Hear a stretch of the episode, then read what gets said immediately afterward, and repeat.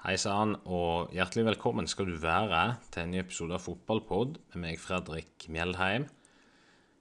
Og eh, mens jeg sitter og spiller dette her inn seint en søndagskveld på det som har vært eh, I etterkant av det som har vært en ganske eh, veldig vill Premier League-helg, egentlig. Det var en slags derby, derby weekend. Vi hadde Manchester United mot Manchester City og Tottenham mot Arsenal, og eh, førstnevnte eh, bydde på veldig mye drama og spenning. Og å se United nå eh, Jeg tror det er første gang på, på ti år at, at supporterne endelig kanskje kan våge å drømme om et nytt seriegull. Og det hadde jo nesten vært veldig symbolsk om det mot alle odds skulle skje ti år seinere, i 2023. Sist de vant, var i 2013. Eh, jeg skal ikke sammenligne det helt som når Leicester vant ligaen, men hvis United vinner ligaen i år med den starten sånn som det var, så Det hadde vært veldig, veldig stort. Men det er ett lokomotiv som bare durer og går og står i veien for absolutt alle. Og det er Arsenal. De slo Tottenham i dag 2-0. Og det er veldig få svakheter ved laget. Det virker nesten som at eh, Manchester City og Arsenal har omtrent byttet måter å spille fotball på. Det Arsenal er virkelig imponerende. De er så resiliente, og de er så ja, De har ikke en stor dybde i stallen, men tross dette kampprogrammet så klarer de å bare dure på. Og det er veldig imponerende. Men uten å oppsummere sånn altfor mye eh, Denne episoden har et tema. Temaet er Manchester United. Og eh, det vi skal inn på nå, det er nemlig at Manchester United er en fotballklubb som er til salgs. Det er kanskje noe som er litt eh, lett å glemme, med tanke på alt det andre som har foregått i fotballen siste tiden. Men i slutten av november 2022 i fjor så ble det annonsert at eh, familien Glazer, som eier klubben, eh, skulle utforske strategiske alternativer som muligens innebar å kanskje selge klubben. da. Men dette materialiserer seg mer og mer for hver dag som går, og det virker som at det går mot et salg. Og det er etter 17 år. Nå egentlig vi er inne i det 18. året med eierskap, og eierskap og protester.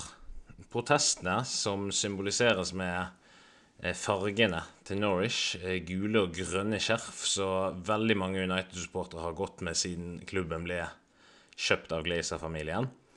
Eh, Fargene henger imidlertid ikke sammen med Norwich. Det henger sammen med United sine gamle farger, draktfarger, og symboliserer altså det at Glazers ødelegger røttene til klubben. Hatet fra fansen eh, bunner egentlig ut i at klubben har eh, I hvert fall det det startet med, det har jo bare egentlig kommet flere og flere grunner til å hate eierne sett fra supporterne sitt ståsted. Men det hele begynte jo med at eh, Manchester United som klubb, som bedrift, tar ut penger og gir til eierne. Og eierne har samtidig som de tar utbytte, tatt opp lån for å kjøpe Manchester United. Og de bruker klubben sine inntekter til å betale ned det lånet. Eh, samtidig så er det noen som vil si at Glazers har brukt mye penger likevel. Og det har de. Eh, Hvor ofte er United stille i et overgangsvindu? Eh, ikke veldig ofte. Men United kunne brukt de samme pengene, men fortsatt har vedlikeholdt stadion, treningsanlegg og lignende. Vi leser stadig vekk, og vi ser bilder om forfalne treningsanlegg, Carrington, som senest Cristiano Ronaldo kritiserte i intervjuet sitt, og et nedslitt Old Trafford. Men Glazers er kommersielle. Eh, United er et internasjonalt eh, brand, eh, et merke. Og eierne vet at det folk ser på TV, er det viktigste. Og, det er ikke sånn at Manchester United er så internasjonale, det er så mange som heier på dem. Og det er så få av de globale fansene som klubben tjener penger på gjennom at de bestiller drakter, de bestiller merch, de reiser i ny og ne, de går på omvisning, eh, etc., etc. Eh, Men det er virkelig spillerkjøp som det handler om for veldig, veldig mange som heier på klubben. Og det leverer Glazers, men de har latt ting som ja, som jeg nevnte, treningsanlegg, stadion, og bare forfalle helt. Og dermed så er det et hat mot dem som gjerne mange utenfor gjerne ikke forstår, siden man tenker med United at ja, de kjøper spillere ofte, de kjøper spillere hele tiden. Men det er kun det Glazersene har brukt penger på. da. De har brukt penger på å betale ned sitt eget lån og å kjøpe spillere. De har samtidig latt Old Trafford og treningsanlegget bare forfalle helt. Og de har dermed da neglisjert alle andre deler av klubben som er essensiell for god klubbdrift. Men hvorfor velger egentlig Glazers å trekke seg ut nå? Det er litt mystisk, men det er òg litt logisk. For de har nemlig bare stått De har på en måte bare stått i denne stormen, da, og denne her eh, sirkel av negativitet mellom de sjøl og fansen. Og når de har holdt ut i 17 år, hvorfor skal de plutselig bare stikke nå? Jo, det er veldig mange faktorer som spiller inn i det. For det første, den europeiske superligaen kom ikke gjennom. Og United har de siste ti årene vært et jojo-lag mellom Champions League og Europa League. Helt siden Ferguson ga seg, egentlig, har de vært et sånt jojo-lag mellom de to europeiske eh, turneringene. da. Jeg lurer på om det er omtrent 60-40 eh, favør Champions League. Det er noe sånne tall. Og når Glazers først hadde sett for seg de inntekter som kunne komme med en sånn European Super League, og så ser det forsvinne så fort som det gjorde, så daler nok mye av deres insentiver til å beholde klubben.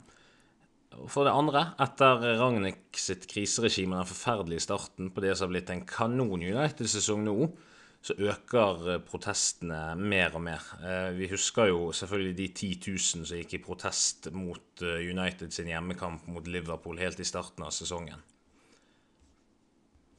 For å gå tilbake til starten, da. Glazers de ulmet seg litt og litt inn i Manchester United. Familien Dette er et familiekonsern, og det er veldig sånn, de har utrolig mange bedrifter. Og de kjøpte seg sakte, men sikkert mer og mer aksjer og til slutt så satt de med majoriteten. Jeg lurer på om de nå sitter med omtrent 97% av alle aksjene i Manchester United.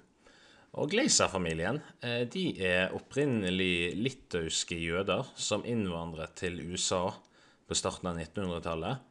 Eh, foreldrene til Malcolm Glazer, eh, som døde 85 år gammel i 2014, var barn av sine emigrerte foreldre da, og bodde i Rochester i USA. Og Malcolm han fikk veldig mange barn som etter hans død tok over mye av driften til United. Og Malcolm han bygget seg opp ved å selge og selge masse forskjellig. Og til slutt så investerte han i eiendom. Og etter hvert så kjøpte han sykehus, restauranter, diverse oljeselskap. Og ja, du, du hører at denne mannen er rik, da.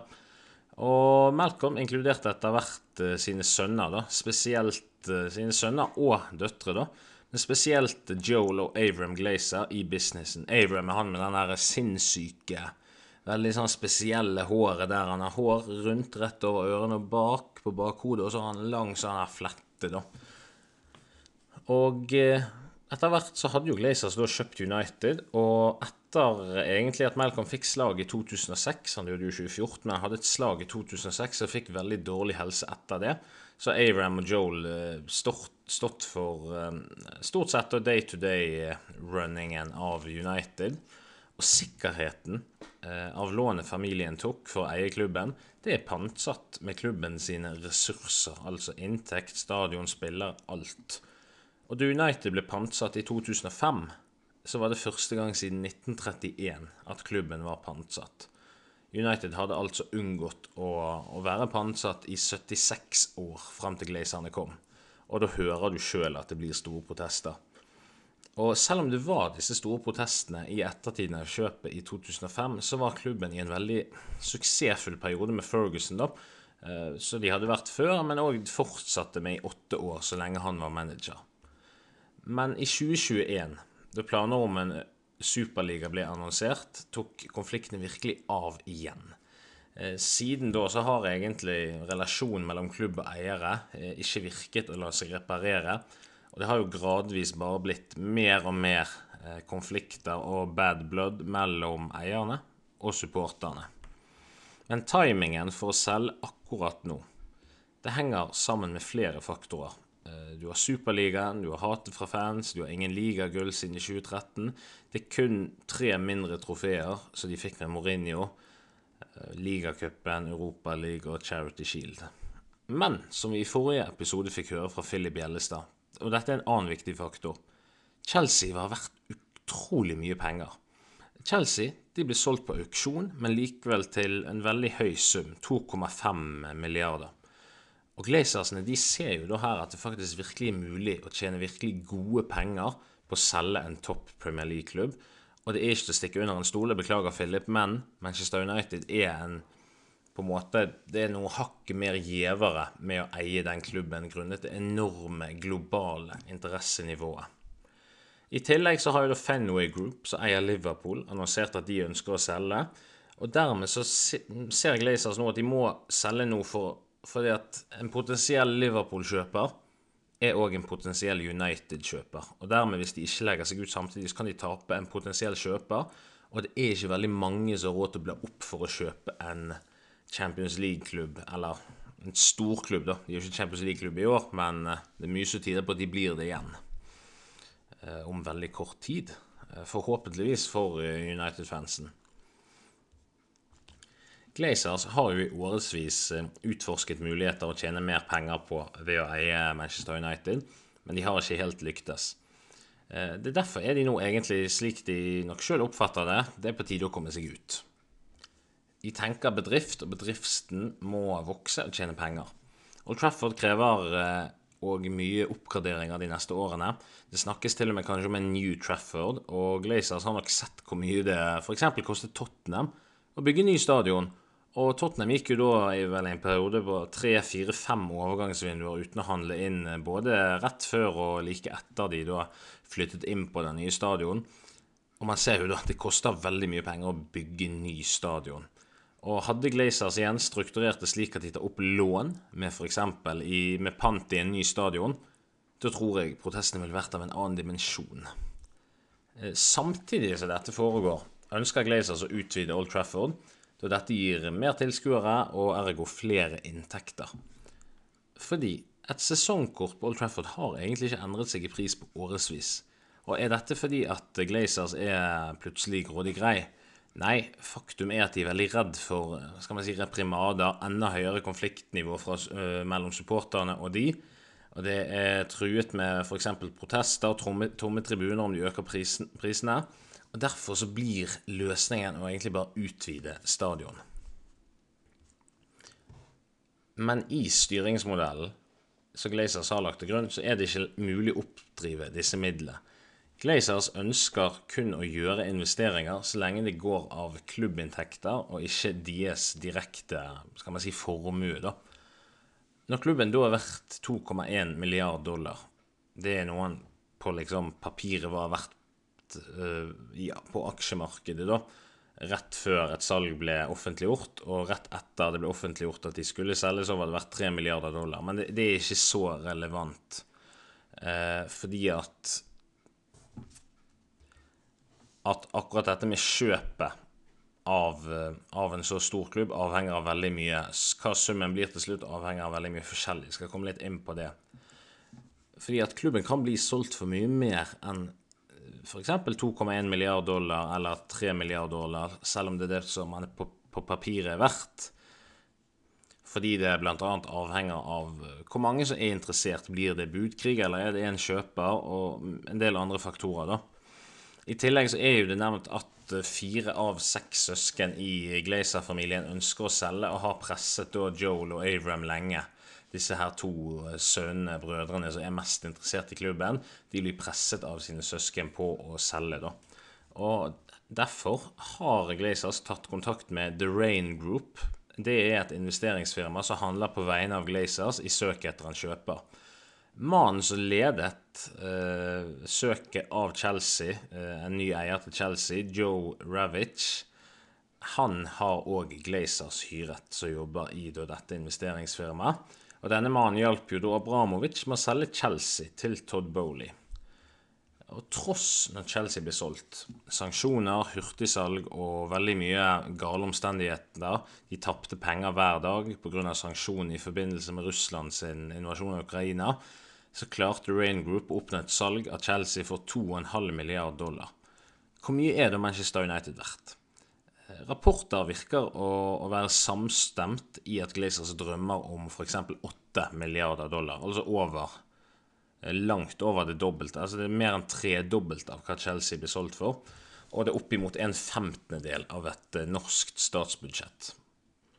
Rain-gruppen, eh, ledet av Ravitch, er ifølge The Athletic interessert i å oppnå et fullt salg i løpet av første kvartalet i år. Altså de har lyst til å oppnå et salg senest eh, ved utgangen av mars 2023. Og det ryktes at Glazers godtar visstnok alt fra 6 milliarder dollar og oppover. Men det er mye som tyder på at 5 milliarder er mer realistisk, så de må nok moderere seg litt. Og med tanke på hvordan United presterer om dagen, vel, det er mye som tyder på at ting eh, kanskje vil intensiveres i denne salgsprosessen for å utnytte dette positive momentumet som er rundt klubben nå, i håp om å trekke til seg potensielle kjøpere. Man ser Elanga, Ronaldo, de er vekke. Ralf Ragnhild er vekke. Inn i Erik Ten Hag. Og du har Rashford, Anthony, Bruno i veldig fin form. Ting er virkelig på riktig spor i United om dagen. Jeg, jeg ser ikke for meg at det var mange som tenkte når United tapte 4-0 mot Brentford, at når vi skriver januar 2023 at de skulle ligge på tredjeplass og nettopp slått City på hjemmebane. Men det er veldig få mennesker som kan kjøpe Manchester United til den prisen. Og sannsynligvis vil det være en gruppe rike mennesker, eller f.eks. et Midtøsten-land, eller et gigafirma. Det mest realistiske er nok at det blir et såkalt konsortium av rike mennesker som finner sammen og kjøper sammen. Men det avhenger jo da av at dette er mennesker som har samme intensjoner ved å eie klubben. da. Fansen ønsker naturlig nok at en supporter som er kjemperik og elsker klubben, helst fra Manchester. Og da har du Jim Ratcliffe som nevnes. Men det skrives at til og med han må dra hjelp fra andre. Han har imidlertid en netto formue på 15,5 milliarder dollar, og eh, som var inne på i sted, realistisk salgssum er 5 milliarder dollar. Men er han villig til å bruke en tredjedel av alle midlene sine på én investering? Og er alle disse midlene flytende og tilgjengelig, og ønsker han å sette så mye?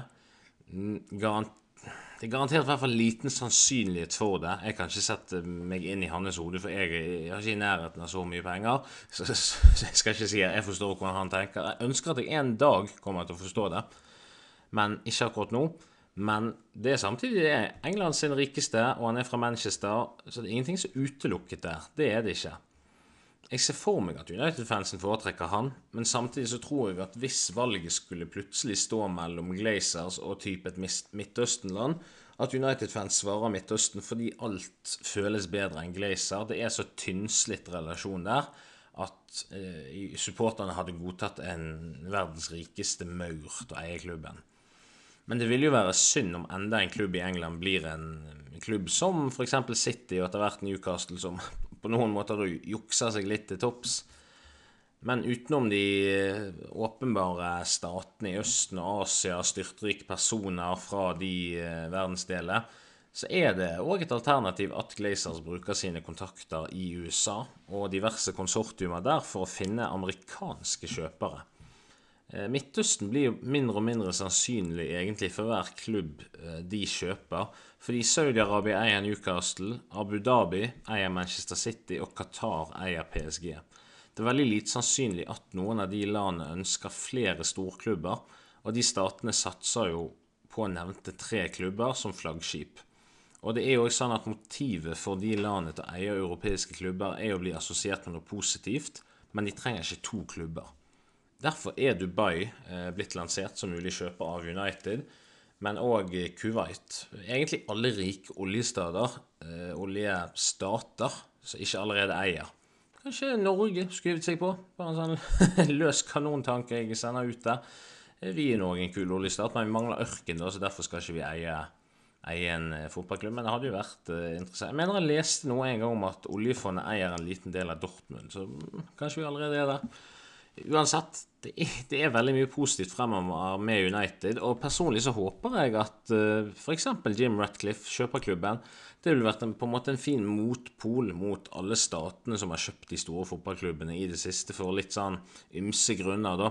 Og United-supporterne hadde nok absolutt fortjent en sånn eier etter å ha holdt ut i 17 år med, en eier av så negativ art. Man, man kan, altså en, en, oljestat investerer jo i det minste i klubben, og det, det, selv om disse oljestatene gjør mye negativt i hjemlandet, så ser du hvor mye de har f.eks. gjort i nærmiljøet til City, og hvor mye positivt Qatar har gjort for fotballutvikling i Paris. Det, det er jo noe Jeg sier ikke at det er riktig, men det er jo av og til verdt å trekke fram ting som kan være positivt ved det òg.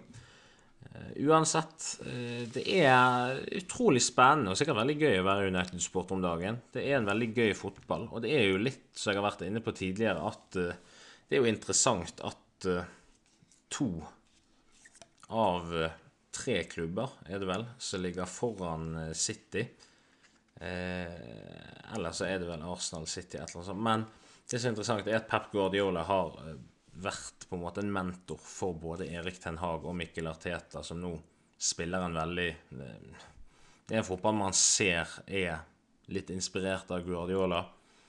Og det sier jo veldig mye om Guardiola, egentlig. Men uansett, jeg håper dette var til hjelp for å oppklare litt rundt hvem som kan være potensielle nye eiere til Manchester United. Uansett, tusen takk for at du lytter. Eh, dette var Fotballpod med meg, Fredrik Mjellheim.